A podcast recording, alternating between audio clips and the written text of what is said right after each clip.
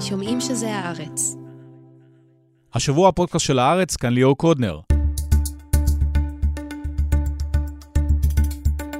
האם המודיעין הישראלי מסוגל בכלל להבין את האויב? אנחנו נשאל את השאלה הזאת פה, את אהרון זאבי פרקש.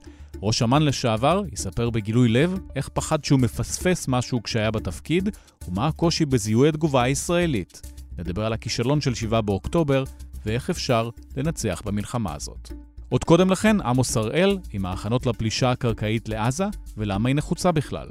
נרחיב על יחסי הכוחות בתוך הקבינט, הלחץ האמריקאי, ואיך התקופה הנוכחית מזכירה את מלחמת העצמאות. לבסוף, על הטלוויזיה. אחרי שהספדנו אותה, היא חזרה למלא תפקיד משמעותי. יסמין לוי ורוגל אלפר יהיו פה לשיחה על מדורת השבט של ערוץ 12, על דני קושמרו וההצהרות הסתמיות של ראש הממשלה נתניהו לתקשורת.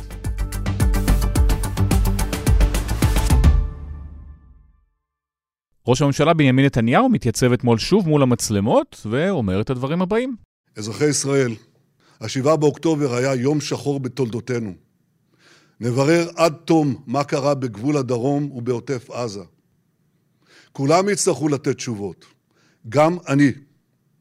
אבל כל זה יקרה רק אחרי המלחמה. אז נתניהו לא לוקח אחריות, הוא מדבר על זה שיש הרבה אחראים, יש אה, לו אחריות גם להמשך, ובעיקר לא מציע שום פתרון או לא אומר דברים חדשים. שלום עמוס הראל. שלום ליאור. אז בימים האחרונים יוצאים הרבה תדרוכים, הדלפות מפה, הדלפות לשם, על קבינט המלחמה, לא מצליחים להחליט, אין כניסה קרקעית לעזה. נתניהו בימים האחרונים מנסה לשדר, אנחנו פה כולנו ביחד באותה קלחת, כי זה גם כמובן משרת אותו מבחינה פוליטית, אבל מעשית, מה קורה שם? מעשית, אנחנו עדיין בשלב של אה, המתנה לפלישה הקרקעית, שמובטחת אה, כבר אה, שבועיים לפחות. זה קשור בכל מיני עניינים, גם בבקשה אמריקאית אה, להמשיך לאפשר להם אה, למגן את אנשיהם, כי אתה רואה שיש אה, כל הזמן התקפות על בסיסים אמריקאים בעיראק ובסוריה, והם מעבירים מערכות הגנה. וכמובן יש את שאלת החטופים, לכולנו ברור שמרגע שמתחילה פעולה קרקעית, יהיה הרבה יותר קשה להגיע לעסקאות תוך כדי תנועה על עתיד החטופים. יש מאמץ אה, קטרי ניכר אה, ללחוץ על חמאס, לשחרר חלק מהחטופים, לפחות אה, נשים, ילדים ואולי גברים קשישים כבר עכשיו, ואני חושב שיש לנו פה חלון זמנים של ימים אחדים שבו ינסו למצות את הסיפור הזה לפני שיתחיל מהלך קרקעי כלשהו. מה החשיבות של המהלך הקרקעי? אפשר לנצח בלי המהלך הקרקעי, כמו שמדברים אולי כניסות ויציאות כמו שהיה הלילה, או שזה לא אפשרי? אני חושב שאנחנו תקועים קצת בחשיבה שמזכירה את הסבבים הקודמים, הרי היו המון מבצעים בעזה מעופרת יצוקה ב-2008 והלאה. אנחנו פה באירוע אחר לחלוטין, חמאס היכה אותנו, הפתיע אותנו במתקפת טרור נוראית, מחזיק 220 חטופים ואולי יותר, יש לנו נעדרים רבים. זה לא אירוע שאתה יכול לפתור אותו בעוד כמה הפצצות מהאוויר או בעוד תנועה הלוך חזור על הקרקע. יש פה שאלות הרבה הרבה יותר גדולות, שאלות אסטרטגיות של אה, היכולת של ישראל לשרוד באזור ולהרתיע מחדש את יריביה אחרי המכה שהיא ספגה. מצד שני צריך להיזהר מאוד מפתרונות פשטניים, אתה שומע חלק מהפרשנים באולפנים אז הם רוקעים ברגליים ומדמיינים כבר את טורי השריון נכנסים, אנחנו לא פה באתגר של אה, חומת מגן ב-2002 בשכם או בג'נין. אה, ממול אה, נמצא יריב שהוא הרבה יותר חלש מישראל, אבל עדיין אויב שהתכונן במשך שנים, שנלחם במגרש הביתי שלו, שחפר את עזה במאות קילומטרים אה, של מנהרות מתחת לאדמה, שיושב יחסית מוגן במקומות הללו, ושהכין את עצמו לאפשרות של כניסת כוח קרקעי גדול. לכן המחשבה היא איך לעשות את זה בצורה כזאת, שמצד אחד תייצר עליו לחץ גדול ותגבה הישגים שיראו היטב גם בישראל, בקהל הביתי, וגם אצל המדינות השכנות, או אולי האזור כולו. ומצד שני לא להסתבך אה, בצורה שעוד אה, תגרום להידרדרות במצב עוד יותר מכפי שחווינו עד עכשיו. כי צריך גם לזכור, הציבור הישראלי פה, אני חושב שזה בעייתי מאוד, נוצר פה אה, הר של ציפיות, כי אלה הכרזות, גם של אה, שר הביטחון, גם של ראש הממשלה, גם של הרמטכ"ל, של כל דובר כמעט באולפנים, מסבירים לך שנשמיד את חמאס. איך בדיוק מתכננים לעשות את זה? תוך כמה זמן?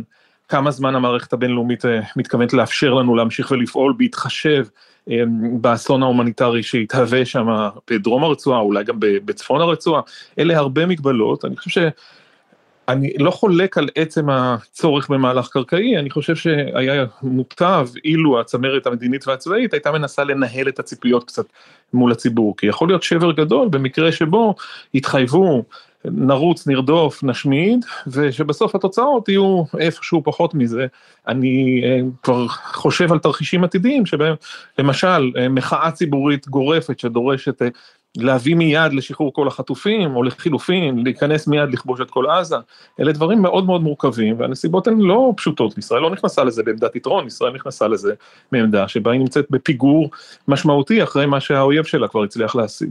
השיחות עם האמריקאים, בעיקר הנשיא ביידן שחוזר ואומר צריך לחשוב לא על הטווח הקצר, על הטווח הארוך, שולחים לפה מפקדים אמריקאים שמדברים על תתכוננו, אנחנו רוצים ללמד אתכם מה היה לנו באפגניסטן ובעיראק. מה זה אומר? מה ישראל יכולה ללמוד ממה שהיה בעיראק ובאפגניסטן? אז תראה, זה חלק מסיפור גדול יותר, שבו ביידן מצד אחד אה, שולח איומים לאיראן ולחיזבאללה, מתגבר את הכוחות באופן שיכול לסייע לישראל, אבל גם כל הזמן מחזיק לנו את היד כדי לרסן אותנו באופן שלא נדליק מלחמה אזורית. עוד לא הזכרנו, אבל האפשרות הזאת קיימת. אפשרות שאחרי שיתחיל השלב הקרקעי בעזה, אולי תהיה התלקחות אה, משמעותית יותר עם חיזבאללה, די בוודאות ברור שמיליציות שיעיות ברחבי האזור, אה, בסוריה ובעיראק, אה, ינסו לפגוע בישראל ובוודאי יפגעו בבסיסים אמריקאים, הם עושות את זה כבר עכשיו, בבסיסים של ארה"ב אה, בסוריה ובעיראק. אז לכן לאמריקה יש עניין גדול בזה שאנחנו לא נייצר פה איזה אפקט דומינו שיבעיר את כל המזרח התיכון. וכשביידן אומר את הדברים, ואוסטין אומר את הדברים, ויש פה אה, רכבת אווירית של בכירים אמריקאים, כולל אותו גנרל מהנחתים שהגיע כדי לדבר עם עמיתיו הישראלים, הם בעצם אומרים לנו, תשמעו, יש כל מיני דרכים לעשות את זה, כדאי שתתכננו היטב, יש לכם זמן, אבל יש גם מגבלות שאנחנו, החברות הזאת איתנו והתמיכה שלנו האמריקאים, מטילה עליכם מגבלות, ציות לכללי הדין הבינלאומי, שמירת מסדרון לתנועה הומניטרית, הימנעות מכיבוש של כל הרצועה. האמריקאים, אני חושב, מנסים להרגיע ולרסן קצת, יש אנשים שסבורים שזה ממש ניסיון להרוג את הפשיטה הקרקעית, אני לא בטוח שזה מגיע עד לשם, אבל ברור שהם אה, מנסים לחלוק מניסיונם וגם לצרף אזהרות כי הגישה היא בעצם שקדימה הסתער זה לא גישה שבה המדינה אה, יכולה להתנהל. הנסיבות הן מאוד קשות, יש צורך לגבות מחיר עצום מחמאס ואני מסכים לזה לחלוטין, אבל אה, צריך להתחשב גם בשיקולים האסטרטגיים הגדולים יותר ולהבין בעיקר עם איזה תוכנית אתה נכנס. חלק ממה שאתה שומע באולפנים, אין עכשיו זמן לשטויות האלה, צריך רק להכות. זה לא יעזור, בסוף אתה תצטרך לשקלל גם שיקולים אחרים, כמו מה אתה בעצם אה, מנסה להשיג, מה האנד גיים, איך אתה חושב שתצא מזה בסופו של דבר, כי למעט כמה אנשים בשוליים של הימין הקיצוני, אני לא חושב שישראלים רבים מפנטזים על אה, כיבוש מחדש של הרצועה והחזקה בה תחת אה, אה, שלטון שלנו, של מיליוני פלסטינים, כפי שעשינו לפני 30-40 אה, שנה. אז זה, זה, זה מצב מאוד מורכב, שאתה צריך לבחור בתוכו את דרך הפעולה הפחות גרועה, ואני חושב שזה מה שהאמריקאים מנסים לאותת לנו, תוך כדי שמירה על האינטרסים שלהם. ישראל גייסה 350 אלף חיילי מילואים שבינתיים מחכים על הקווים. כמה זמן אפשר להחזיק אותם? אני חושב שיש עוד פרק זמן אה, מסוים, אני חושב שאחד הדברים שאולי כדאי לעשות, וכבר מתחילים פה ושם לעשות, הוא לשחרר לרענון, זאת אומרת שאנשים יצאו הביתה, אולי לדלל חלק מהכוחות שהם פחות נחוצים כרגע. בצפון, אין ברירה אלא לשמר אה, כוחות גדולים, כי אה, יש אפשרות שחיזבאללה ינסה להפתיע. בדרום, אם לא כולם נכנסים בבת אחת, ייתכן שצריך איכשהו לנהל את זה כדי לצמצם את העומסים, אה, גם הכלכליים בעיקר, אבל גם המנטליים, הרגשיים, על המשק, על המשפחות, על אה, מקומות עבודה. אם יש פה עוד זמן, כדאי לנצל אותו קצת לדברים הללו, בנוסף לאימון ולחידוד של התוכניות המבצעיות. אה, יתחילו פה קיטורים, זה ברור, אבל צריך גם לזכור, אנחנו באמת בתקופה שהיא שונה לחלוטין, זה לא דומה ללבנון השנייה, זה אולי יותר דומה ל-48 או לששת הימים, להמתנה של ששת הימים, זה לקראת אירוע מאוד מאוד מכריע. אבל שם זה נגמר בשישה ימים, פה אנחנו מדברים לפי התוכניות הצבאיות אולי חודשים, וגנץ מדבר בלילה על זה שנוכל לחזור לגור סביב העוטף אולי עוד שנה. תראה, יש גם שאלה של כמה זמן ייקח לבנות מחדש את הקהילות של העוטף, אבל אני חושב שיש פה סיפור אחר, יש שאלה של תחושת הביטחון של התושבים, והיא קשורה לא רק בדרום, אלא גם בצפון. האם אנשים שפונו משתולה או משלומי או, ממטולה, אה, וראו מה מסוגל לעשות אה, אויב פחות חזק, כמו חמאס, לרצוח מאות תושבים בבתיהם, האם האנשים הללו מוכנים לחזור הביתה כשרדואן יושב בצד השני והכוחות של רדואן הם כוחות, אומנם סופגים לא מעט מצה"ל בשבועיים האחרונים, אבל הם כוחות יותר מיומנים ממה שיש לחמאס, כלומר הבעיה לא מסתיימת בסיפור של עזה. מהצד השני, שוב, צריך לומר, אני מתנצל שזה יוצא קצת שיחה של חצי תה חצי קפה, אבל הסוגיות האלה הן מסובכות. אם אתה לא מייצר הרתעה משמעותית מול חמאס, אם אתה לא גובה מחיר, אם אתה לא משכנע את השכונה שאין דבר כזה שרוצחים נשים וילדים יהודים בבתיהם, אז יהיה לך קשה מאוד לשרוד את זה בהמשך, כי האויבים שלך לא נהיו יותר חלשים או פחות תאבי דם מכפי שהם היו קודם בעקבות האירוע הזה. יש פה מבחינת הציר השיעי הרדיקלי, וזה גולש גם למדינות הסוניות ולדעת הקהל הערבית בכלל. יש פה אירוע שזעזע את יחסי הכוחות, שהוכיח שישראל פגיעה, שאפשר לעשות לישראל דברים איומים ונוראים. ועל הרקע הזה אפשר להבין גם את הצורך להכות חזק ככל האפשר ולנסות לשקם משהו מהמאזן המאוד לא מוצלח שהתקבע פה אחרי השבעה באוקטובר. אם נחזור לקבינט המלחמה וגם לקבינט היותר גדול והיחסים בין המערכת הצבאית למערכת הביטחונית, אז אנחנו מבינים שהם לא אוהבים אחד את השני כל כך, אבל נאלצים להסתדר. עד כמה באמת זה עובד? הקבינט הגדול הוא גוף מיותר לחלוטין, יש שם אנשים שהם לא מתאימים לתפקידיהם בשום צורה, זה חלק מהממשלה הנוראה שהפילה עלינו נתניהו בסוף דצמבר, אתה רואה את התפקוד הכללי של רוב משרדי הממשלה, זו תוצאה של השחתה של שנים, ואנחנו כולנו נוסעים עכשיו בתוצאות עוד מעבר לכל מה שדמיינו וכל מה שהזהרנו מפניו. קבינט המלחמה זה סיפור אחר, נכנסו שם בני גנץ וגדי איזנקוט, נתניהו רצה את המהלך הזה כי הוא הבין שהוא צריך מישהו להתחלק איתו באחריות ובעול. אני חושב שזה משרה גישה קצת יותר עניינית, היחסים הרי של גלנט ונתניהו מאוד מאוד מתוחים. כל החבורה הזאת סוחבת אין ספור חשבונות ומריבות מהעבר, תחשוב על גנץ, גלנט ואייזנקוט, שלושה מגיבורי פרשת הרפז הנשכחת, יושבים יחד פתאום וצריכים להתחלק באחריות, להתווכח על מה הדרך הנכונה לפעול, ובכל זאת, גם מה שאני קולט מהצבא, הוא שהם מאוד שמחים שנכנסו קולות מקצועיים ואחראים ושקולים לתוך תהליך קבלת ההחלטות. ועדיין צריך להגיד, יש פה הנהגה ומדינה בטראומה. מצד אחד ראש ממשלה שהלגיטימיות שלו, יותר ממחצית הציבור בכלל חולק על ה... על העובדה שהוא בשלטון, על הצדק בזה שהוא ממשיך להיות בשלטון אחרי כל מה שקרה ואחרי המצב שהוא הכניס אליו את המדינה בשנים האחרונות. ומצד שני יש לך צמרת ביטחונית שהיא הלומה, היא נושאת באחריות לאסון הגדול ביותר שאירע פה כנראה בתולדותינו, חמור יותר מ-73. וכל האנשים האלה עם כל החשבונות שלהם וועדות החקירה שעוד יבואו והפרקליטים שעוד יזכרו את שירותיהם, צריכים עכשיו איכשהו לנהל לסחוב את העגלה הזאת ואיכשהו גם להוציא אותה מהבוץ, זה מאוד מאוד אה, מסובך. אני אישית פשוט לא רואה כרגע איזשהו מנגנון פוליטי שיזיז את נתניהו מתפקידו וישים שם מישהו אחר. אני חושב שבנסיבות של המלחמה אה, אין ברירה אלא להמשיך בתוך האירוע הזה, אלא אם כן מישהו יודע להציג לי אה, מסלול אחר שבו הדברים אה, אה, מתקדמים, אבל זה בוודאי מקשה, ואנחנו רואים את זה בהתנהלות היומיומית של נתניהו, זה לא גולדה ב-73, יש פה אדם שמצד אחד ידו על ההגה ומצד שני עסוק באלף דברים אחרים, שההישרדות הפוליטית היא השיקול הראשון בהם. הסיכונים שאנשים האלה מוכנים לקחת היום, דווקא בגלל המפלה הנוראית ב-7 באוקטובר, הם לא כמעט אינסופיים? אני לא בטוח, אני חושב שבשבועות הראשונים זה היה חלק מהסיפור, גם גישה של מה שלא הולך בכוח ילך ביותר כוח, ושאנחנו נפתור את זה רק בעוצמה. אתה מכיר את הסיפור שבהדרגה מתפרסם בעיקר בתקשורת הזרה, על אותו רעיון שכנראה נדחף על ידי גלנט והצבא של לפתוח חזית שנייה מיוזמתנו. מול חיזבאללה. באמצעות איזושהי תקיפה, באמצעות איזושהי תקיפת פתע בלבנון, כבר בשבוע הראשון של המלחמה, העניין הזה נבלם. בין השאר כנראה על ידי נתניהו וגם תודות ללחצים של ביידן.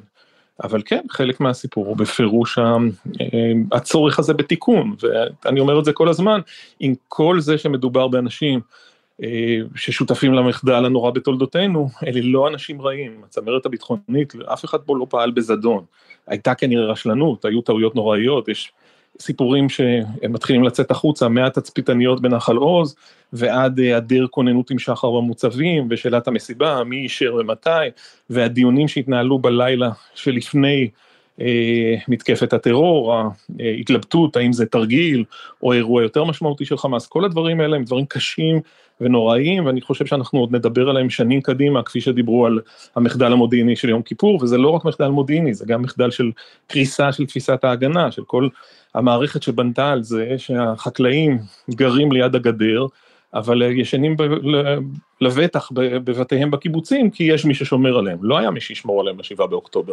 כל זה נכון, ועדיין צריך להגיד, זה לא נעשה מרוע לב, זאת אומרת, אלה טעויות אנושיות נוראיות, אני חושב שצריך להשוות את זה כנראה לאיזה פריצה של סכר שמביאה לצונאמי, ברגע שהסכר הזה נפרץ, מגיע הצונאמי של הטרור, והוא זה שמפיל אה, את האסון הנורא הזה ביישובים. אבל אין פה אנשים רעים, זה לא שיקולים פוליטיים, זה לא נעשה אה, כי למישהו, כי מישהו חשב שלא חשוב להגן על חיי חיילים. אם היית לוקח מישהו מהאנשים האלה ומחזיר אותו ללילה של השישה באוקטובר, ואומר לו, יש לך הזדמנות לתקן, הם כולם היו עושים את זה. אבל הנסיבות האלה הן באמת אה, נסיבות שאף אחד מאיתנו לא עמד בהן בעבר, והן לא מקלות בשום צורה על האחריות והאשם של אה, מי שהיו ליד ההגה הביטחוני בלילה, בבוקר ההוא. אם נסתכל על החזית המדינית וגם החזית הצבאית חודשים קדימה, אז יש כן כניסה קרקעית לעזה, נכון לעכשיו מתישהו, אחר כך צריך גם לצאת עם מעזה, עם ניצחון כזה או אחר, ואז מה, האנשים מתחילים להתפטר, ועדות חקירה, שינוי מאוד מהותי בישראל, או שאתה עוד לא שם?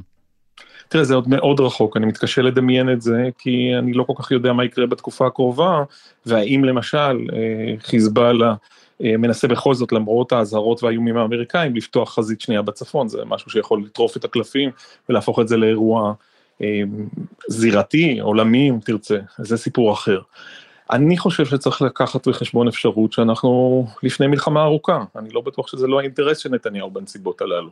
משהו שדומה קצת למלחמת העצמאות, כלומר נמשך המון זמן, לא יציב, עם הרבה אבדות ונפגעים וניצחונות אה, קטנים והפסדים קטנים, ומשהו שהוא הקזת דם ממושכת, פוליטית זה לא בהכרח הדבר שרע לנתניהו, ואנחנו מבינים שיש לו איזשהו חשש ואיזשהם ספקות לגבי הכנסת כוחות גדולים למהלך קרקעי.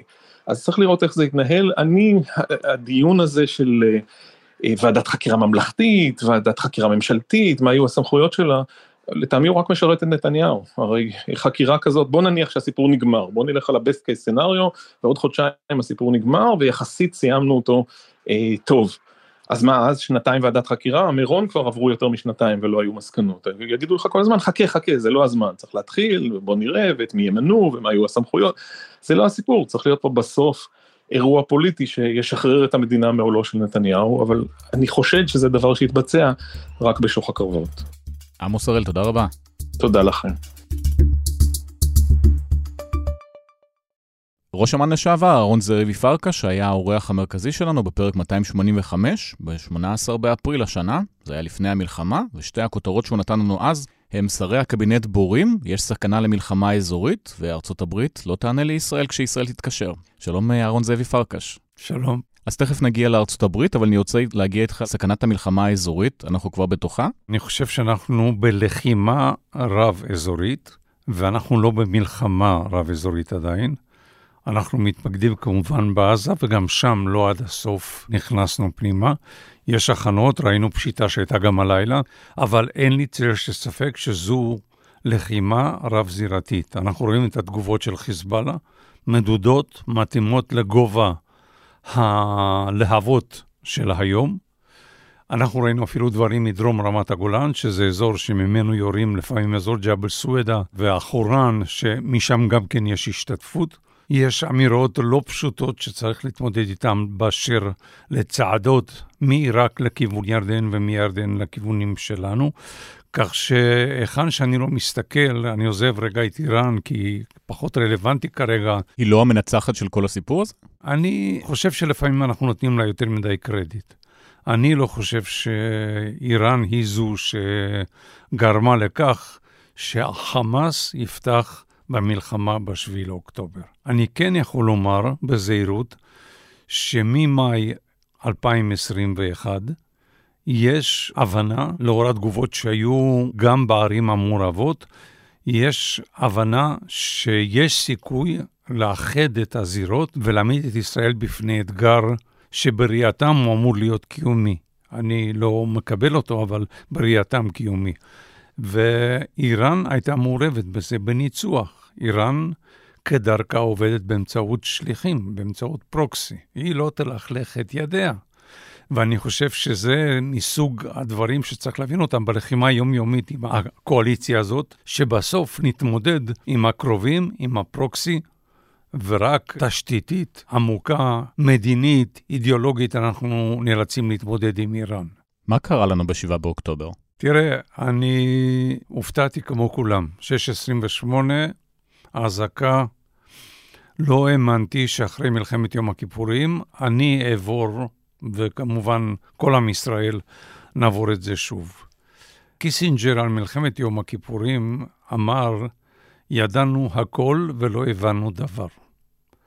אני רואה חומרים שמתגלים יום-יום, על אשר קרה בצד השני וכיצד הכינו את ההפתעה. אתה רואה ריכוזים של מפקדים, סיורי מפקדים, הגעה עם הטויוטות הלבנות לנקודות תצפית וכולי. זה הזכיר לי שבמלחמת יום הכיפורים, על מנת להרגיע אותנו ולהרגיל אותנו, היו מה שנקרא קבוצות עצלים.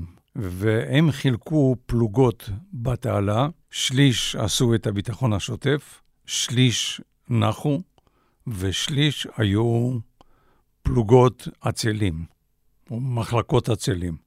והם uh, התרחצו בתעלת סואץ עם חצי גוף ערום, ודגו דגים. מה יותר טוב לחיילים אה, שאומרים להם, יש לכם יום כיף, תלכו תבלו, שמונה שעות. והדברים האלה, כשקראתי את הדוחות, דוחות המודיעין, כולל של התצפיתנים שלנו לאורך התעלה בצד המזרחי, הם אמרו, החיים לאורך התעלה נמשכים כשגרם. אין סימנים מעידים שאנחנו רואים. אני רוצה להשמיע לך מהתוכנית זמן אמת, שתי תצפיתניות מדברות בדיוק על זה, הן מתריעות בחודש האחרון, שתי התצפיתניות היחידות ששרדו כרגע, חלק בשבי, חלק נהרגו, והן מדברות, אנחנו מתריעים, יש שם פעילות לא סבירה. היה לי ממש כמה אירועים חריגים, ש... שבועיים לפני זה. פתאום כאילו אה, הגיעו 200 אה, חיילים של חמאס ונעמדו 100 מטר מהגדר ככה. ואני בראש אומרת, אם הם עכשיו רוצים, כאילו, מחליטים לרוץ לגדר, אנחנו אבודים. היה לי גם אזור בגזרה שבאמת בעייתי, ואני תקופה הזהרתי לגביו, אמרתי שההסתובבות שם מאוד מוזרה, מאוד חריגה, ופשוט אמרו לנו, אין מה לעשות עם זה. וגם ההודעה הזאת, מתעלמים ממנה. במודיעין יש כלל שאותו למדתי, כמה קל להבין ולברור את הסיגנלים מתוך הנויסס, את האותות מתוך הרעשים, אחרי. כי אז אתה אומר, שתי ידיעות מתוך מאה, אלה שתיים רלוונטיות לסיגנל, ולאט לאט אני אראה את הסיגנל. במציאות זה נורא קשה, ואני לא בא להצדיק אף אחד מאיתנו, כי זה לא מוצדק להיות מופתע. זה כל התכלית של המודיעין ושל הצבא ושל גופי מודיעין, לא להיות מופתעים. אבל כשאתה כל יום קורא 100, 200, 300, לפעמים 500 ידיעות ביום, ואתה צריך לברור את השתיים הרלוונטיות, ולמחרת את הארבע, ולמחרת את הארבעים, זה תהליך שבו אתה יכול ליפול בפח. כי אתה לא קורא אותם בצורה נפרדת, מובדלת. אף אחד לא מסנן אותם ואומר לך, תקרא רק את אלה, ותשים לב רק את אלה. אבל לפי מה שאנחנו מבינים, הם התאמנו שנתיים לפחות לאירוע הזה. כן, לפי כל המידע שישנו כרגע, ההכנות החלו ב-2021, במאי 2021, ולאט לאט הם התקדמו בקבוצות ובצורה אחרת, ובהכנת השטח, וכל הדברים האלה באו בתפיסת עולם שאומרת, החמאס מורתע, ואז אתה מתייחס אחרת למה שאתה רואה.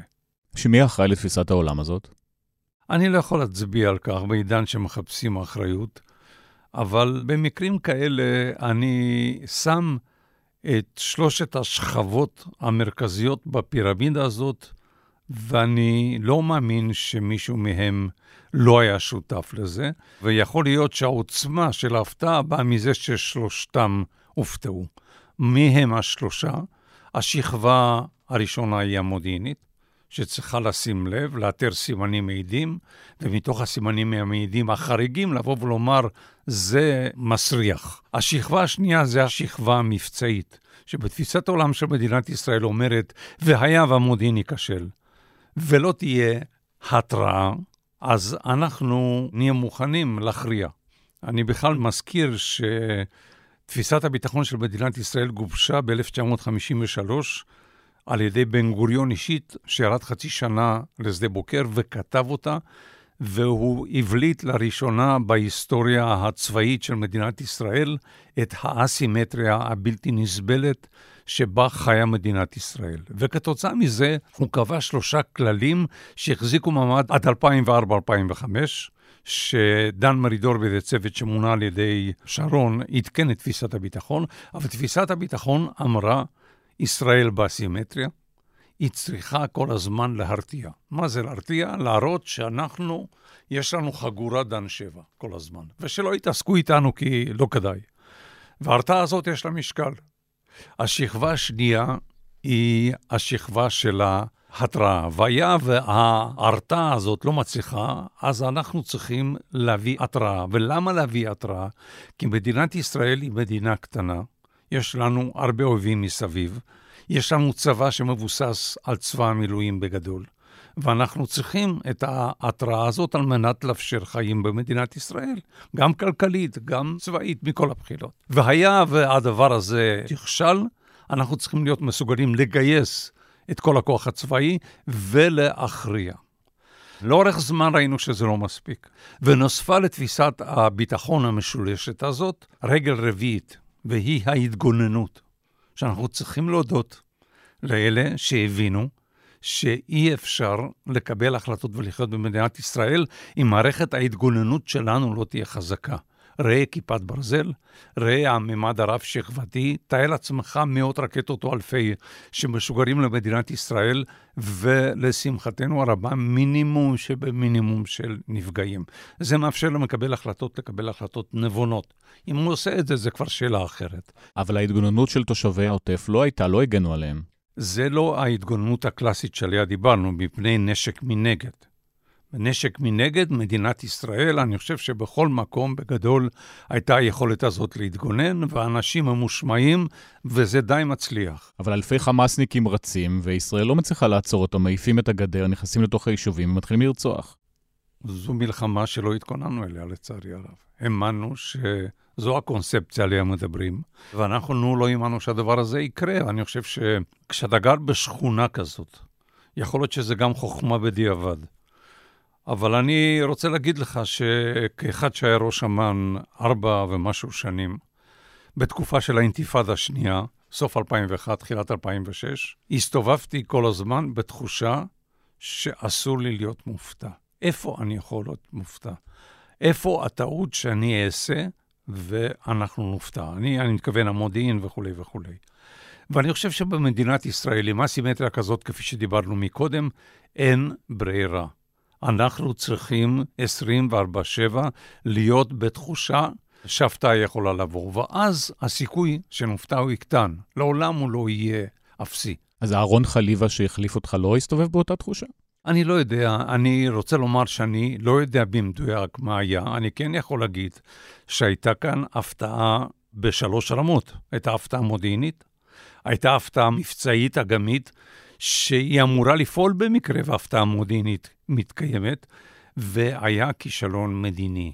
זאת אומרת, בשלושת הרמות שאני מדבר עליהן, וכאחד שחקר לעומק, כי לא סלחתי לעצמי, למרות שלא הייתי אחראי ברמות הגבוהות, אלא הייתי קצין זוטר, להבין מה קרה במלחמת יום הכיפורים, שלושת הכשלים האלה קרו לנו גם עכשיו. אז מי שאשם זה ראש אמ"ן, אולי השב"כ, הרמטכ"ל וגם ראש הממשלה? אם מחפשים כן אשמים? צריך לחקור את זה לעומק. מה שברור מהעובדות, שהייתה הפתעה. משמעות הדבר, לא הייתה התראה מודיעינית מספיק טובה. התגובה שלנו, once ראינו ב-628 מה שקורה, זו לא הייתה התגובה שציפינו שתקרה. לקח שעות, היו מקומות שדיברו על 8-10 שעות. אנשים שהו במקלטים הרבה מאוד זמן ולא קרה דבר. הלחימה אפילו נמשכה יום אחרי, בחלק מהבתים. נכון, לקח יומיים של התאוששות מההלם. ואני מצטער לומר שאינני יכול לא לומר בצורה מפורשת שהיה כאן כישלון מדיני, אסטרטגי, שהוביל למדיניות שלקחה הנחות יסוד לא מבוססות, וכתוצאה מזה לא היינו ברמת הכוננות הנדרשת. האם אתה עדיין עומד מאחורי ההערכה שלך, שעכשיו ישראל תזכה ל-15 שנים של שקט? אני אופטימי מאוד, אני לא יודע אם 15, אולי יותר. 15 אמרתי כי החיזבאללה שומרים על 15 שנות שקט בעקבות מבצע שומר החומות של 2006, בעקבות מכה קשה וחזקה שחטף נסראללה, ומאז איננו מוציא את, פנה, את, אה, את אפו אבל לבנון אה, ועזה מן הבונקר. אינן אה, אחד הם. שאלה מה ההבדל? אני חושב שבלבנון הכוח של החיזבאללה הרבה יותר גדול מאשר של חמאס, ולכן העובדה שדווקא הם, וגם הרבה יותר קרובים לאיראנים, שמתסיסים, הם דרבנים, אבל נסראללה הבין את המסר, הפיק את הלקח ועשה מה שצריך. אבל הנה, לדוגמה, האם אחרי... גם החמאס יעשה את זה? אני מאמין שכן. התפיסה המדינית שאומרת, אנחנו נרתיע אותם על ידי זה שהם, תהיה להם עבודה בישראל וכולי, זו מדיניות שאני בדיעבד הסתברה כמדיניות מוטעת. גם הכנסת הכסף מהקטרים זו טעות? אני לא יכול לשפוט את זה עד הסוף ולהגיד זו טעות אסטרטגית.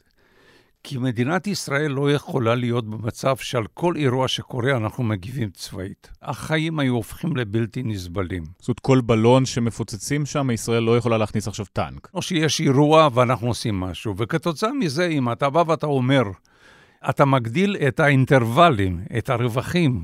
יהודי מנוחין אמר שהמוזיקה נמצאת בשקט שבין התווים. והשאלה, מה אתה עושה בין האירועים עצמם? ואני חושב שפה אולי הרפאנו ולא דאגנו שהדברים האלה יטופלו. זאת אומרת, צבר של דברים שנותנים לך סכנה, תטפל בו. אל תחכה במזרח התיכון. לא בצפון, לא בדרום, לא מול חיזבאללה. כי בסוף לא תוכל לטפל בצבר הזה. זה נבנה במצב של רתיחה איטית. ואם אתה לא שם לב לדברים האלה, ואתה מגיע לטמפרטורות הגבוהות ולא ל-100 מעלות, ואתה לא מגיב, אז קורה מה שקורה ואתה מופתע. המלחמה הזאת מתנהלת כמעט שלושה שבועות. אתה רואה איזשהו הישג לישראל בתקופה הזאת? אני רואה בתקופה הזאת יכולת קודם כל ללמוד את ההיערכות. מרכז הכובד של המלחמה הזאת בסופו של דבר זו העיר עזה, בה אומרים שנשארו כ-350 אלף עזתים, ובעיר עזה התת-קרקע, המטרו. את המטרו קשה לגלות בלי פעולות מודיעיניות ומבצעיות צמודות, שמחייבות הרבה פעמים גם מיפוי מלמטה ולא רק מהאוויר. קראתי באיזשהו מקום שזה 500 קילומטר אפילו, יש דיבורים, וזה ברוחב טנק, זה משהו באמת מטורף. המטרו בלונדון זה כלום לעומת זה. אני אפילו שמעתי שזה עובר את האלף, כמות הקילומטראז', וואו. ואני לא מדבר על המנהרות החוצות, שהן לא בעיה כרגע. אבל בתוך עזה, מנהרות מבית של פעיל חמאס, שהוא חפ"ק, כל מערכת הקשר נמצאת בתוך הבית שלו. לרוץ למקום מוגן, או לחמ"ל שהוא תת-קרקעי על מנת להחזיק מן בלחימה הרבה זמן, זה 2, 3, 4 דקות. זה נמצא באותו בניין, או שהוא צריך לרוץ לבניין של השכן. וזה מנהרות קצרות של 10-20 מטר, ויש מנהרות יותר ארוכות, שבהן המפקדות המרכזיות וכולי וכולי. אז זה אפילו לא לחימה קרקעית בעזה, אלא לחימה תת-קרקעית בעזה, שישראל לא מורגלת לה. כן ולא. כי אי אפשר לאורך זמן לחיות מתחת לאדמה, ומה שאנחנו עדים כרגע זה מצור די מצליח, שראשית, אם אתה לא מכניס דלק ומים ומזון, זה נמנע גם מאלה שצברו אותו מתחת לאדמה, ולאורך זמן, אם אנחנו לא נמהר, אתה תתחיל לראות את התוצאות האלה. וכתוצאה מזה, אני חושב שנכון עושים, ששומרים על חיי אדם.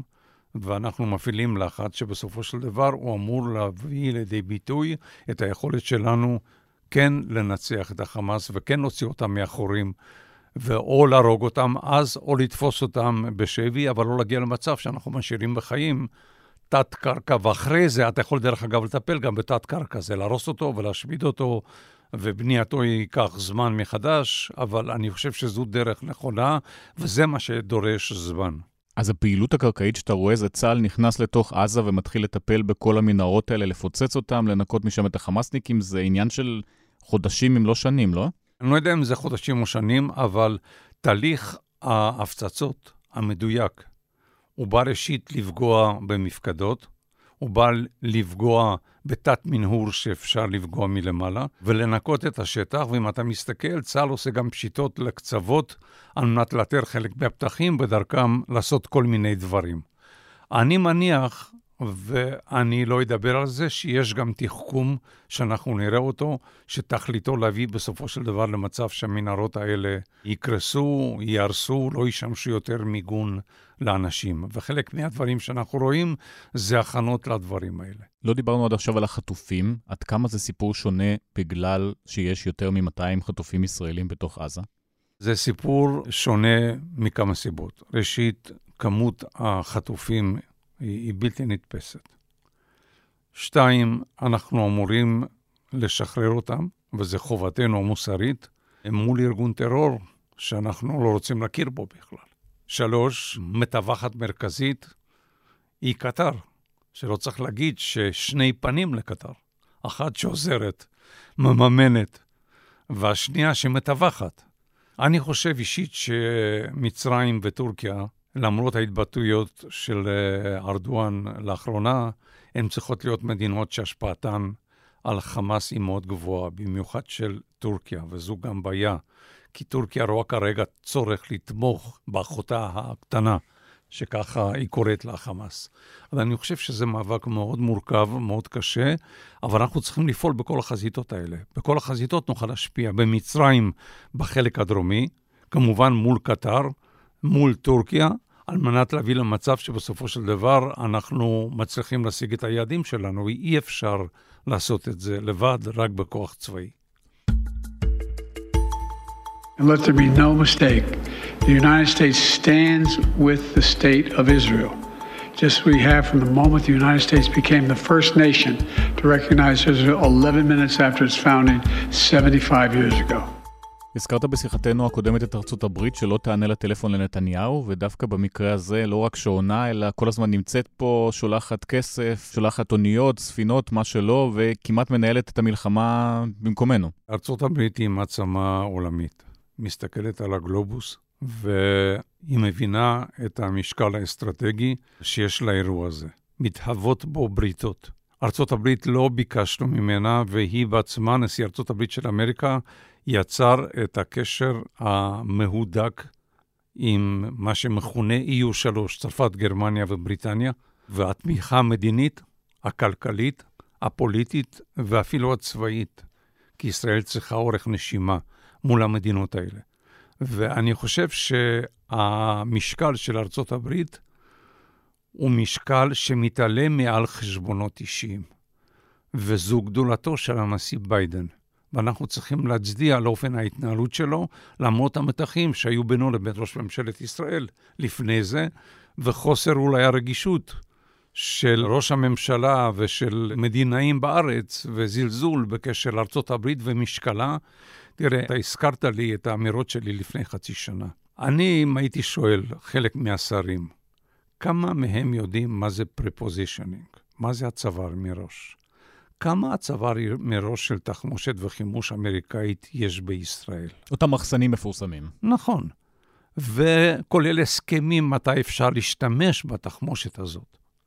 אני מזכיר שחודש לחימה של תחמושת 155 מילימטר לארטילריה נלקחה עבור אוקראינה מישראל, עכשיו מדברים להחזיר אותה. חודש לחימה. אז אנשים, מבלי להיכנס לפרטים, יכולים לדמיין על איזה אחסנה חיה יש לארצות הברית כאן באזור, ויכולה להגיד לנו, אור ירוק, תשתמשו בזה. אנחנו באותם אמצעי לחימה. אותם תותחי הוביצר 155 מילימטר משתמשים באותה תחמושת. אני חושב שזה נכס אסטרטגי. ואני שמח לראות שנשיא ארצות הברית של אמריקה מתנהג כמו מנהיג של מעצמה. לא מתחשבן, מוותר על כבודו, מוותר על מה שהיה, ובאמת דואג לביטחון שלנו.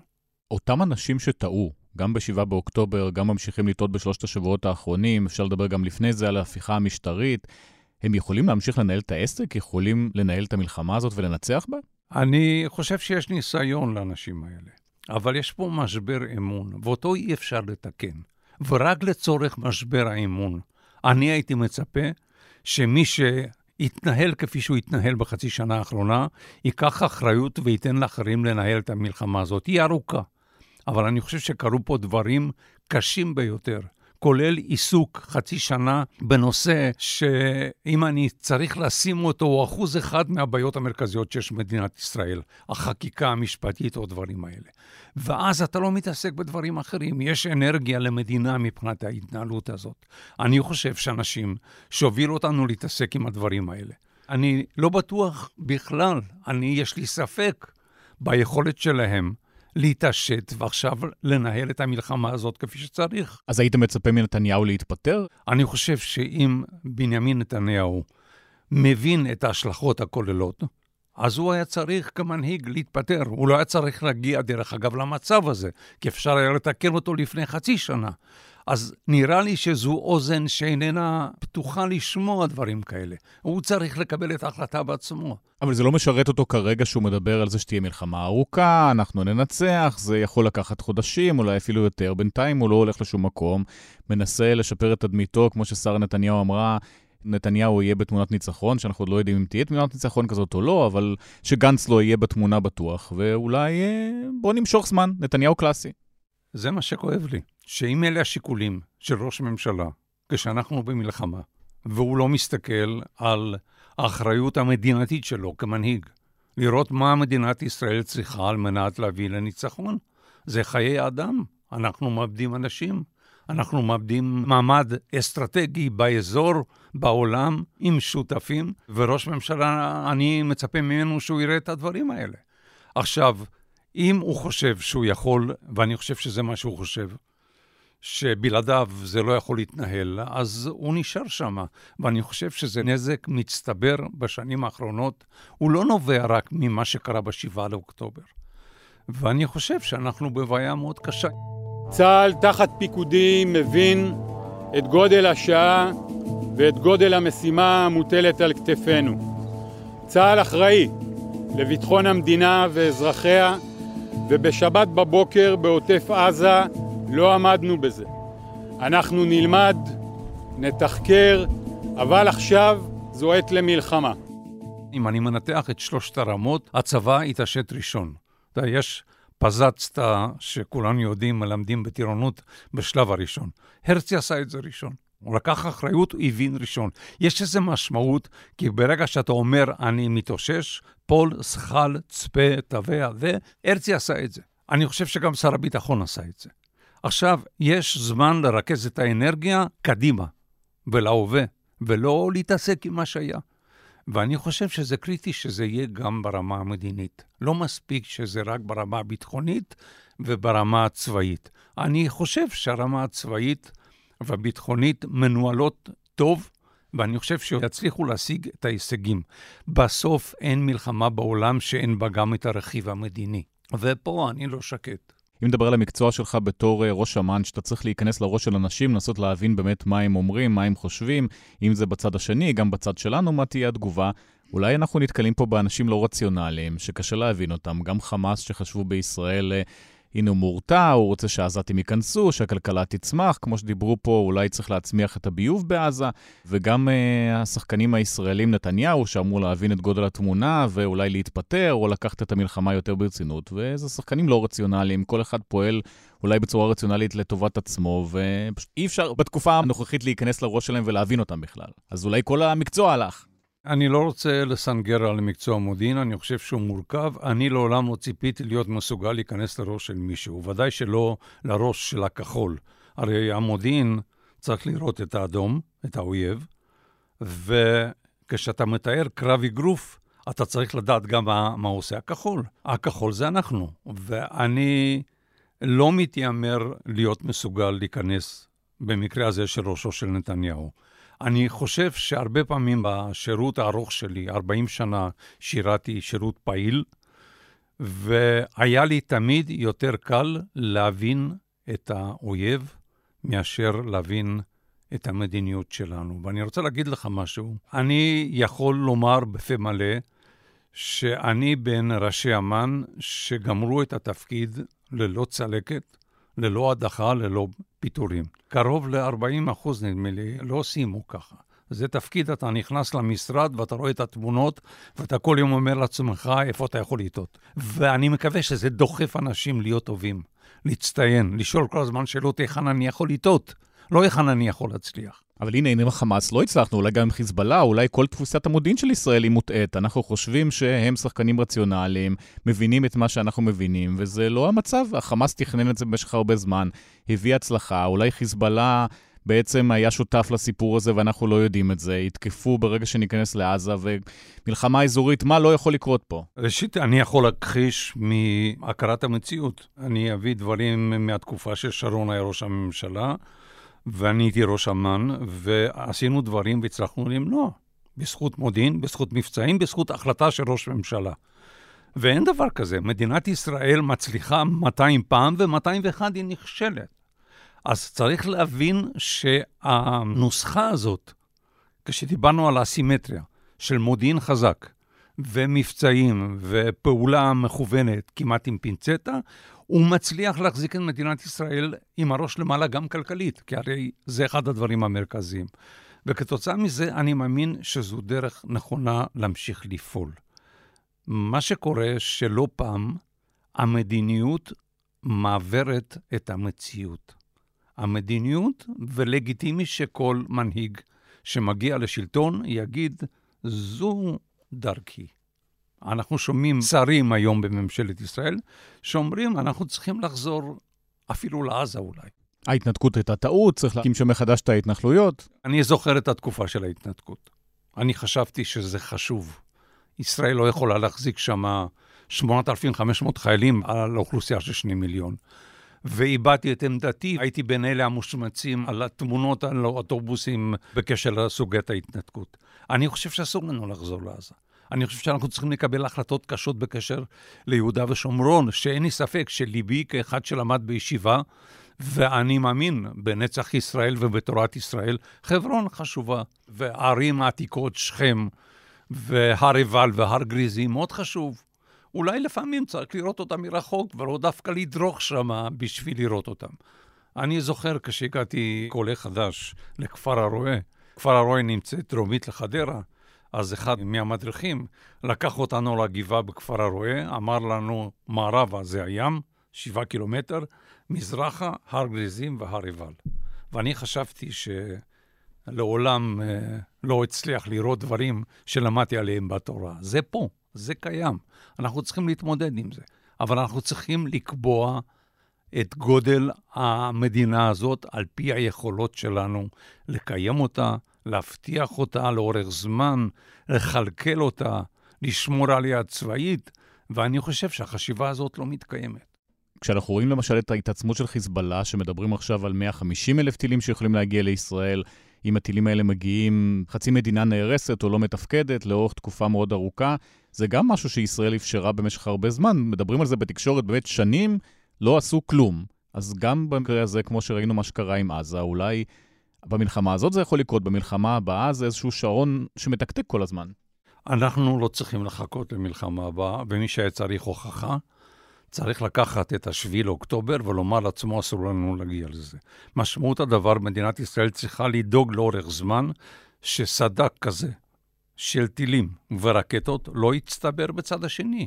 בסוף, איך אומרים, האקדח המונח על השולחן יורה, זה הטיל במקרה הזה. אני חושב שאסור לנו להגיע למצב הזה, וזה לקח שאנחנו צריכים להקפיד עליו. אז היית יוצא עכשיו למלחמה נגד חיזבאללה? לא, לא, הייתי מסיים את המטרה הראשונה וממוקד בה, כי היא בעיה מספר אחת, וגם יש לנו מעל ל-200 חטופים, ואנחנו צריכים לטפל בהם, ואסור לשכוח את זה.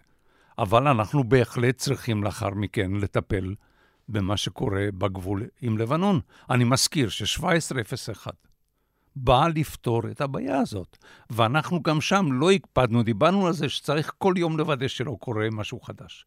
והתעוררנו עם חיזבאללה בחצר האחורית שאי אפשר להגן נגד זה, כי אנחנו רואים אותם מהתצפיות. אז אני חושב ש-once מי שנסיים אני מקווה בהצלחה, את ההתמודדות מול עזה, אנחנו צריכים להתפנות ולדרוש חזרה ל-1701, ואם לא, לעזור בכוח שזה יתרחש. 1701 זה החלטת האו"ם, בוא נזכיר. נכון.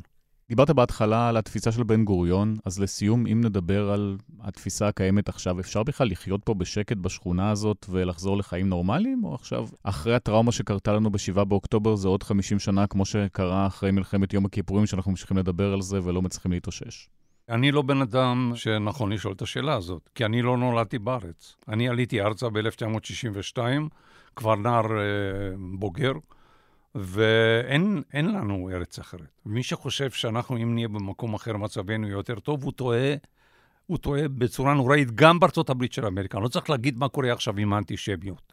יש מושג ביידיש שזה נקרא זיץ פלייש. זה לשבת על התחת, סליחה, כאן, לא להשמין. שלא יקרה לנו מה שהנביאים אומרים, שמנת עבית כסית. לשבת כאן, להבין שאין לנו מקום אחר בעולם, ולבנות אותו כך שיהיה נעים לחיות בו, והאינטרוולים בין המלחמות שיתרחבו כל הזמן ויתרחקו כל הזמן. אבל זה רק אינטרוולים. יהיה עוד מלחמות, כל פעם עוד מלחמה. אנחנו יושבים בליבו של העולם הערבי. זה מדהים. יש מגרב, כל החלק שהוא מאיתנו מערבה, ומשרק, כל מה שמאיתנו מזרחה. דרך אגב, מושגים לפני שהיו קיימים במדינת ישראל. רצה האלוהים, ומדינת ישראל יושבת בלב המגרב והמשרק. שכונה לא טובה, אתה אומר. שכונה לא טובה. אז אנחנו צריכים לחיות איתה, כי אנחנו מאמינים שזו הארץ שלנו, ועובדה שיש אפשרות להגיע למצב ש... נוצר אינטרס משותף לצדדים לחיות, וככל שנצליח לחיות ביחד ולבנות את השיתוף פעולה הזה, ולהיות עם צבא חזק ומודיעין חזק, ולא לתת לאקדחים שהצטברו עם uh, כדורים בקנה, כי הם יראו בסוף, אנחנו נצליח לבנות חברה בריאה ולראות נחת גם מהילדים והנכדים שלנו. הלוואי. אהרון זאבי פרקש, תודה רבה. תודה לך.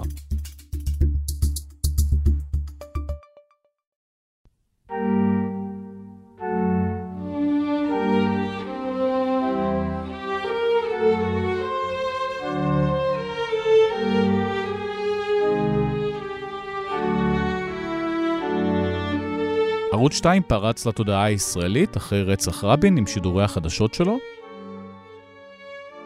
אולי הפעם אנחנו חוזים ברגע הזה בדיוק סביב המלחמה. איתנו שניים, רוגל אלפר ויסמין לוי, מבקרי הטלוויזיה שלנו. שלום. שלום, שלום. היי. אז לראשונה בחדר אחד אנחנו הבאנו אתכם, אתם רואים אחד את השני, בדרך כלל כל אחד כותב... אתה אומר, אם, אם החמאס מפציץ עכשיו את המקום הזה, אין לארץ יותר כן. ביקורת טלוויזיה. אין ביקורת אין תקומה. אין תקומה, אז אם אנחנו מדברים באמת על הטלוויזיה, אחרי שהספידו אותה כל כך הרבה פעמים, זה שוב חזר להיות מדורת השבט? אפשר לומר לפי הרייטינג, אפשר להגיד שאלה ימי הזוהר, במירכאות שחדשות 12, בהחלט אה, צברו קהל בימים הללו, גם 13 קצת, לא כמו 12, ו, וכאן הבנתי שפחות או יותר דורך במקום. אז, אז כן, אפשר להגיד שמלחמה מטיבה עם רייטינג, בהחלט. צריך לשים לב, קודם כל, שביום הראשון למלחמה, שזה היה יום שידורים היסטורי, כי מצד אחד אתה, את, בפעם, באופן תקדימי, ראית בעצם אה, פיגוע טרור הכי זוועתי שאפשר אותה לדעת, מתרחש בשידור חי כשהקורבנות מתקשרים לאולפני הטלוויזיה בזמן אמת ומתחננים על חייהם בלחישות. נכון. זה עוד לא ראינו. וברור שזה מסוג הדברים שגורמים באמת לציבור שלם אה, להתגודד מסביב לטלוויזיה ולראות. מצד שני, היה משהו נורא מעניין ביום השידורים הראשון, שמי שבאמת רצה לראות את הזוועות, לא יכל לראות אותם בטלוויזיה, אבל כן היה לו הולך לראות אותם. זה רק נכון. רשתות חברתיות. זאת אומרת, זה הסתובב ברשתות. נכון. אז, ו, ואז בעצם אה, אה, היום הזה עמד בסימן הפער. בין מה שאתה, מה, מה שמראים לך בטלוויזיה, בערוצי השידור הממוסדים, לבין חומרי הגלם שאתה רואה. נכון, זה כמו תמיר סטיינמן אמת. למשל. כן, כן ב- ש... ב- ב- ב- ואז השאלה איפה מדורת השבט. זאת אומרת, זה, זה, הרי, זה הרי גורם לזה ברגע שיש לך מספר גורמי שידור, ובטלוויזיה אתה רואה את, ה, את אה, קורבנות הטבח מתחננים על חייהם כשהמחבלים מסתובבים להם בבית, וברשתות אתה רואה את מעשי הזוועה שלא מראים לך בטלוויזיה, אז בכל זאת... אנחנו בתקופה מבחינה טכנולוגית אחרת, זה לא יכול להיות כבר מה שהיה אז אה, ברצח רבין, כשערוץ 2 בעצם המריא ביחד עם זה למעמד של אה, מדורת שבט. דורין, עם מי אתם שם? עם מי את שם? בעלי מחזיק את הדלת של הממ"ד. עכשיו הם יורים צרורות על החלונות של ממ"ד. צרורות. ושלושת הילדים שלי פה איתי גם. בני כמה ילדים, דורין? 11, 9 ו-7. היה פה באמת אה, משהו באמת יוצא דופן. זאת אומרת, אני עוד זוכרת את השיחות שניהלו עם דני קושמרו, שהוא היה כבר על סף דמעות, ואתה שומע מישהי שם בממ"ד, ולחישות, ומחבלים נכנסים, ואתה די המום, והם עברו את זה כי בעצם איתך. הם הפכו להיות גם כחווים, שגם לא ידעו לגמרי איפה הם נמצאים, ובאמת, תוך שניות הם הפכו בעיניי לסוג גם של חמ"ל הצלה באמת, שלמשל תמיר סטיינמן מקבל הודעות תוך כדי, והוא הלך ונשבר לנגד העיניים, ואנשים שמתחננים לעזרה, שהוא מכוון אותם לאן להגיע, אבל, גם אלמוג בוקר. אבל, אבל לא חמ"ל הצלה. לא סוג של חמ"ל, זאת אומרת שהם אבל, מקשרים, אבל, מנסים אבל, לקשר, מנסים כן, לעזור אבל... שם, ואיכשהו... זה עמד יותר בסימן חוסר האונים, ו... נכון. וקצרה ידם מלהושיע. כן? נכון, אומרת, זה היה ייאוש, ייאוש. התסכול הנוראי, אני חושב שמה נכון. שניבט בפנים של קושמרו יותר מכל דבר נכון. אחר, כשהוא ניהל את השיחות האלה, זו העובדה שבאמת לא היה לו נכון, מה לעשות. לא היה אומרת, מה לעשות. זה לא, הוא היה, זה לא שאם הוא היה נותן פקודה, אז פתאום uh, צה"ל וחיל האוויר היו מגיעים לשם שעתיים קודם. אבל הם הצליחו כן גם לשקף, אבל גם את החידלון הנוראי, הממשלתי, המתמשך והנגרר, שהוא בעצם מחדל מתמשך שלא מפסיק. את הכל, את החידלון, את הבלבול, את חוסר הציוד שלו מגיע, ביקורת קשה על ההתנהלות. פעם ראשונה, למעשה, ש... בוא נגיד לכמה ימים, זה לא החזיק מעמד עד עכשיו, אבל היו ימים שבאמת כולם כאחד, בביקורתיות מוחלטת לגבי תפקוד הממשלה.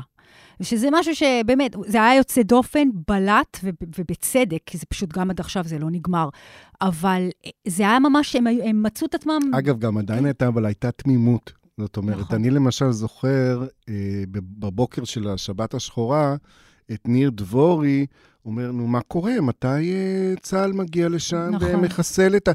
לא הייתה הבנה שמדובר באלפי מחבלים, אלא הייתה יותר מין תחושה של איזה כמה עשרות הסתננו. גם המספרים בהתחלה היה 40 נכון. הרוגים. אז זהו, אתה, אתה ראית גם את, את, את אי-ההבנה ואת החשיבה עדיין, זאת אומרת, אה, אה, ממדי המחדל בעצם התבררו בשידור חי, שזה היה הזוועה. נכון. אבל מה שקרה, מאז אותו יום, זה שבעצם אנחנו נמצאים כבר שלושה שבועות בטלוויזיה שמשדרת במתכונת של מצד אחד אה, סרט נע בלתי פוסק של עדויות, טסטימוניאל כן. של מעשי הזוועה, זאת אומרת של ניצולים, של בני משפחה של חטופים וכך הלאה, וזה כמובן קורה אה, בו בזמן ב... אה, בארבעה ערוצי שידור, גם 14 שם הרי בתמונה. תכף נגיע אליו.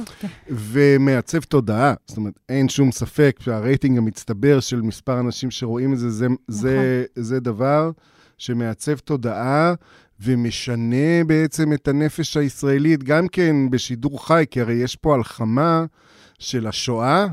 עם הסכנה נכון. הקיומית האיראנית, אה, חמאס, שעכשיו נהפכה גם בעצם לנאציזם. זאת אומרת, יש פה הלחמה, יש פה הלחמה של אה, שתי הטראומות הלאומיות הגדולות, וזה קורה לומר, בשידור זה, חי. זה, גם, זה נכון, וגם 12, אה, כמו 12, יודעים, איך נאמר זאת, בכל זאת, יודעים לתת שואו. גם בזה. גם, גם במלחמה צריך שואו? גם שואו של טרגדיה. זאת אומרת, הם יודעים ללקט ולהביא את הסיפורים האלה שפשוט מרטיטים לך את הנשמה, שהם כואבים, שהם יודעים להציג את זה, הם, הם ידעו גם לבנות את עצמם גם כפרסונות, למשל, קצת יותר מ-13 או כאן. דני קושמרו מהבחינה הזאת ממש בנה את עצמו במלחמה. קושמרו בנה פרסונה פתאום, פתאום, אתה יודע, מי שהיה ה extremer, ששחה עם כרישים, פתאום כן, עכשיו הוא בדמות הוא, אחרת. הוא במקרה, הוא היה האדם הנכון במקום הנכון כן. ברגע הזה, בשבת בבוקר זה היה הוא ולא יונית לוי באולפן, ו- ו- וכך הלאה, ואין ספק שמבחינה הזו הוא הוברג לתוך uh, ההיסטוריה הישראלית. הדבר השני שהטלוויזיה כל הזמן עסוקה בה עכשיו, זה לדבר עם הלוחמים שמחכים להיכנס, ושני כן. הדברים ביחד, גם סיפורי הזוועה נונסטופ. ושמירת וג... מורל, כן. וגם השיחות עם החיילים, למעשה, גם 12, גם 13, גם 11, כולם עסוקים באותו דבר. 12 כנראה עושה את זה אולי טכנית טוב יותר מהאחרים, אבל הם כולם עושים אותו דבר. זה שידורי תעמולה לאומיים של חיזוק הסיסמה של ה"ביחד ננצח", וההכנה של הציבור לרצח בעיניים, לנקם, לנחסל אותם. אה, על מה שקורה בעזה נכון. לא מדברים. האמת שלצערנו די לא. זאת אומרת, גם אם מראים לפעמים תמונות של הפגזות, אלה מעט, תמונות מנוכרות, של, שרואים בניינים מופגזים, אבל אתה לא רואה פרצופים, חלילה, מעט. ילדים, חל... זה בעצם נעלם עכשיו. זה המשך סטרילי. זו טרגדיה שקורית לנו פה בהתהוות, כי למעשה... זה המשך שידורי התעמולה. בדיוק, זאת אומרת, בואו לא נראה את מה קורה לצד בדיוק, השני. בדיוק, החמלה האנושית הבסיסית, שעם כל הכבוד, חמאס זה חמאס, אנחנו יודעים את זה, אבל לא יעלה על הדעת שלמעשה טרגדיה של אלפים, שבכל זאת בני אדם, סליחה, זה לא, זה פתאום לא פקטור פתאום. לא אלפים. זה מה שאני לא מרגישה, כן. וקורה פה משהו שלמשל בנט, הוא, הוא עולה לשידור, נלחם, מר הסברה, ובעצם גם שותל מסרים כאלה שאנחנו לא חייבים שום דבר בקטע של כאילו אה, ההומניות. ו... הוא, הוא בקמפיין לגמרי. הוא בקמפיין. לא, אבל זה נורמל לחלוטין. גם, כן, זה נורמל. ש, שזכותה של החברה היא זכותה המוסרית, לפעמים גם חובתה, תלוי מאיזה פסוק בתנ"ך מצטטים.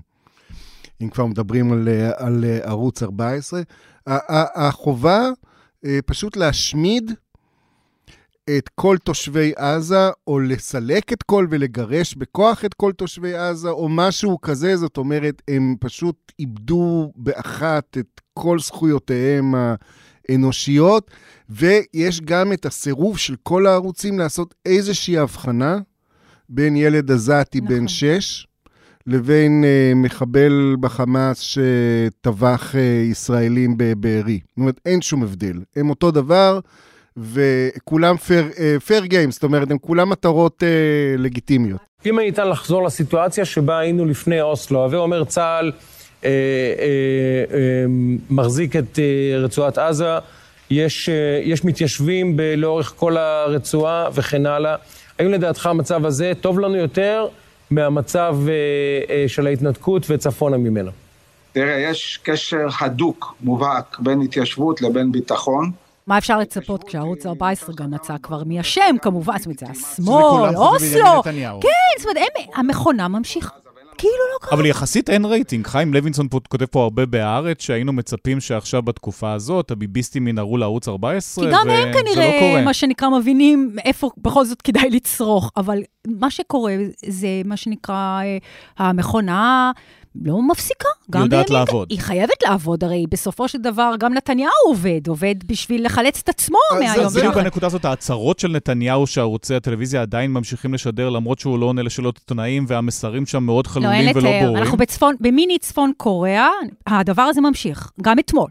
זאת אומרת, הוא מצא זמן לפגוש, ממה שאני מבינה, את המנכ"לים של 12-13.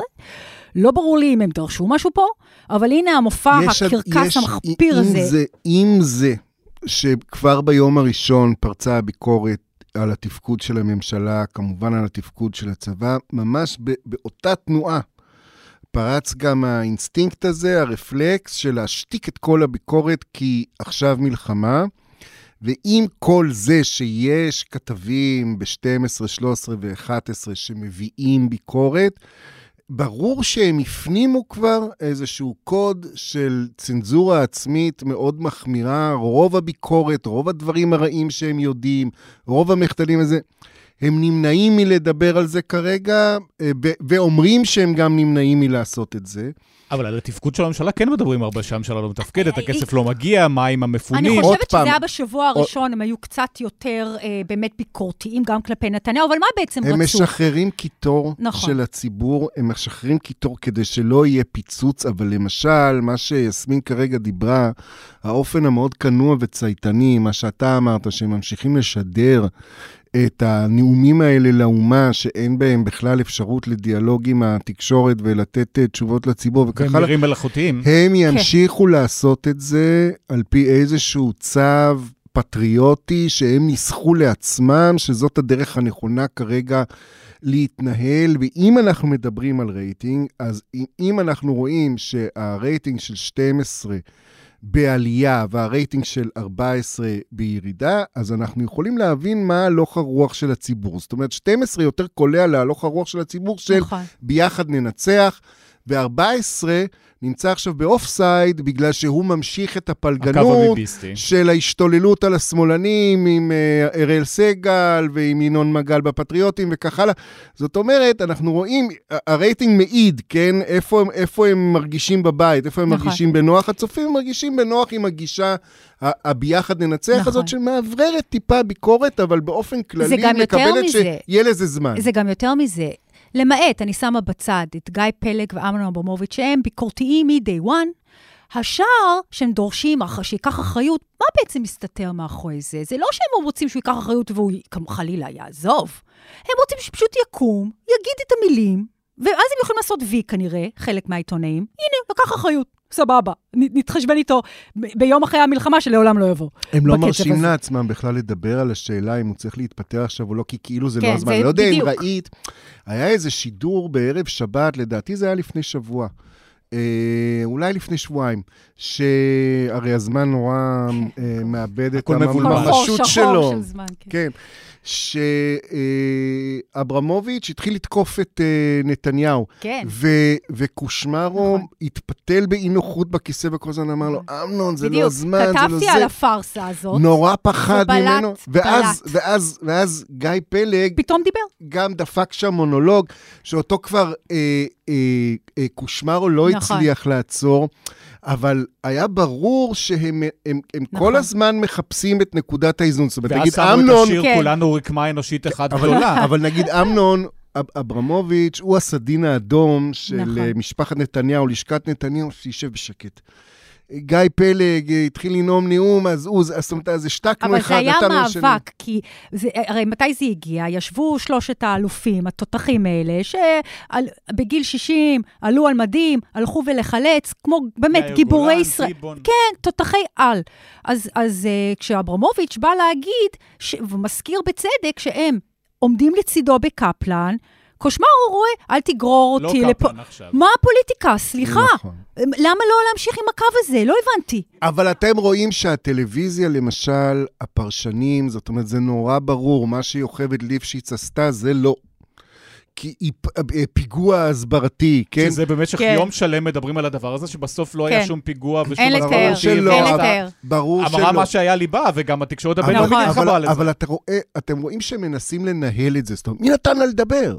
כן. מה? גבולות הגזרה? עזוב מדינה דמוקרטית. כן, למה גל הירש לא היה שם? למה השב"כ לא נעל אותה באיזה מרתף ושם לה אה, מה- מי פלנלית על הפה? וזה עיתונאים 85? אומרים. וזה עיתונאים כן. אומרים, בגלל שהם לא רק עיתונאים עכשיו. זאת אומרת, הם כל. הזמן מרגישים את התפקיד הלאומי חלק. מההסברה, הם בכלל בהסברה עכשיו. למה הם מודאגים מהפיגוע ההסברתי? כי הם חלק מהמערכת הזאת. אני באמת לא האמנתי שאני שומעת את זה, שבאמת, שלושת העיתונאים, זה היה ירון אברהם, עמליה, אה, דואק נכון. ועופר חדד, שמה- שפשוט רואים שזה מחלקים מפריע להם. ציונים ל... זאת אומרת, יש פה מה שנקרא תמונת ניצחון במערכות לחמאס. בואו, האישה אומרת את שלה, זו החוויה שלה. אבל, מה אבל, אתם אבל רוצים? ככה הטלוויזיה מרגישה שבעצם היא, היא גם חזית.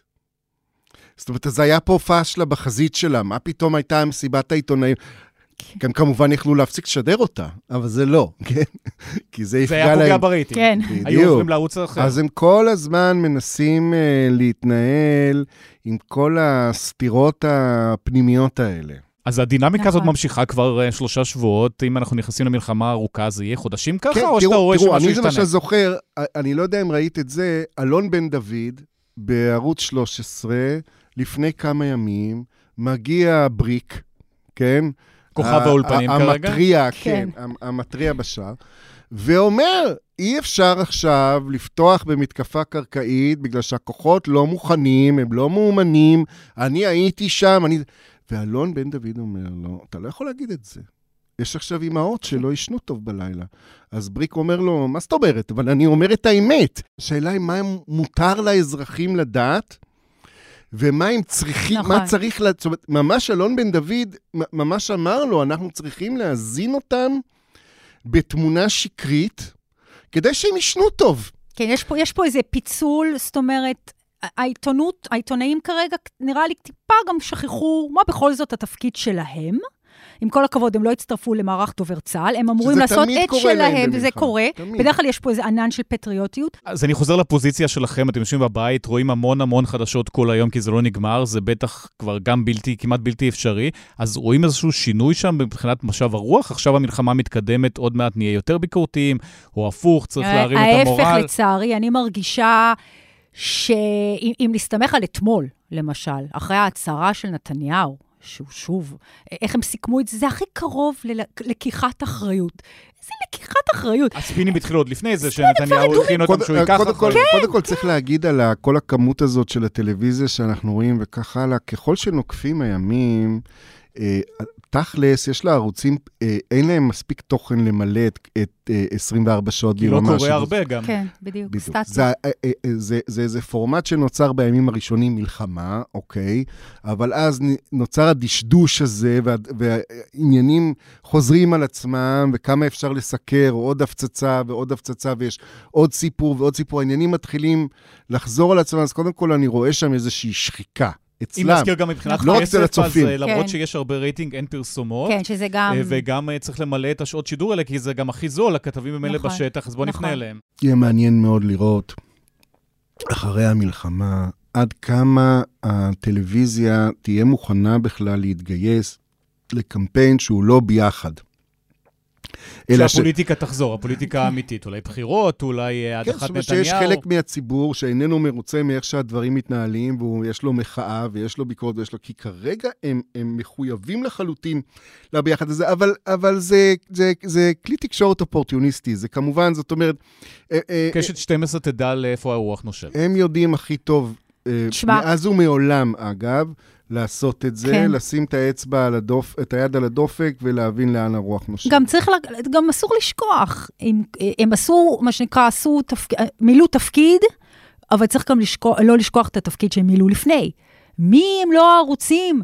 הביאו לנו את כל הטוב הזה, לא, לא מה שקרה, אלא הטוב הזה במובן של בן גביר, שקיבל כל כך הרבה זמן מסך. מי הביא את איילה בן גביר?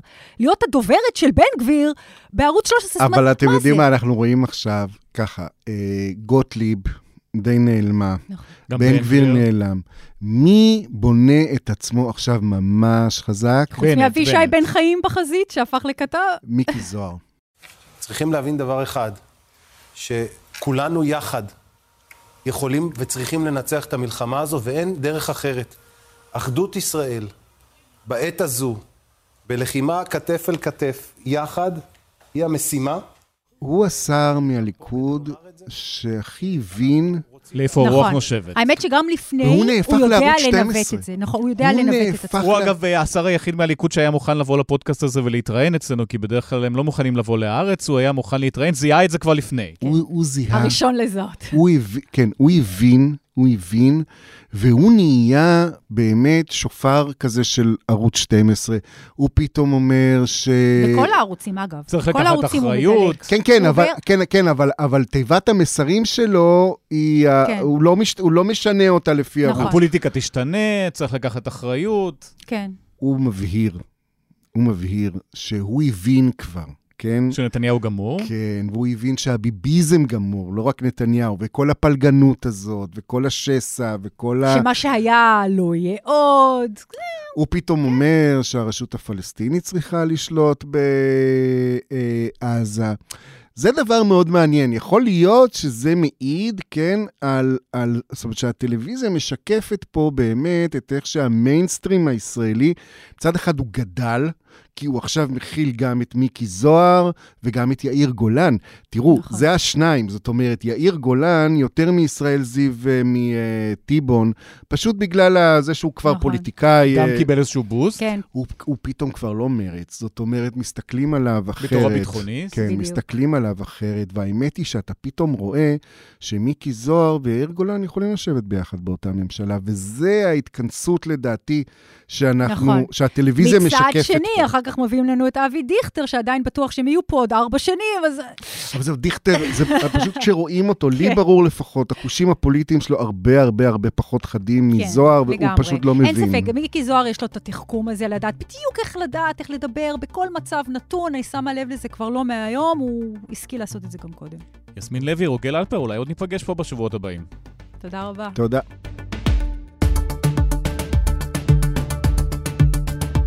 הארץ השבוע, כאן סיימנו את הפרק השלישי לשבוע הזה. בצוות, ניצה ברגמן, אמיר פקטור, אסף פרידמן, אברי רוזנצבי, נערה מלקין ומאיה בן ניסן. אני ליאור קודנר, אנחנו נהיה פה גם לאורך השבוע הבא. סוף שבוע שקט שיהיה.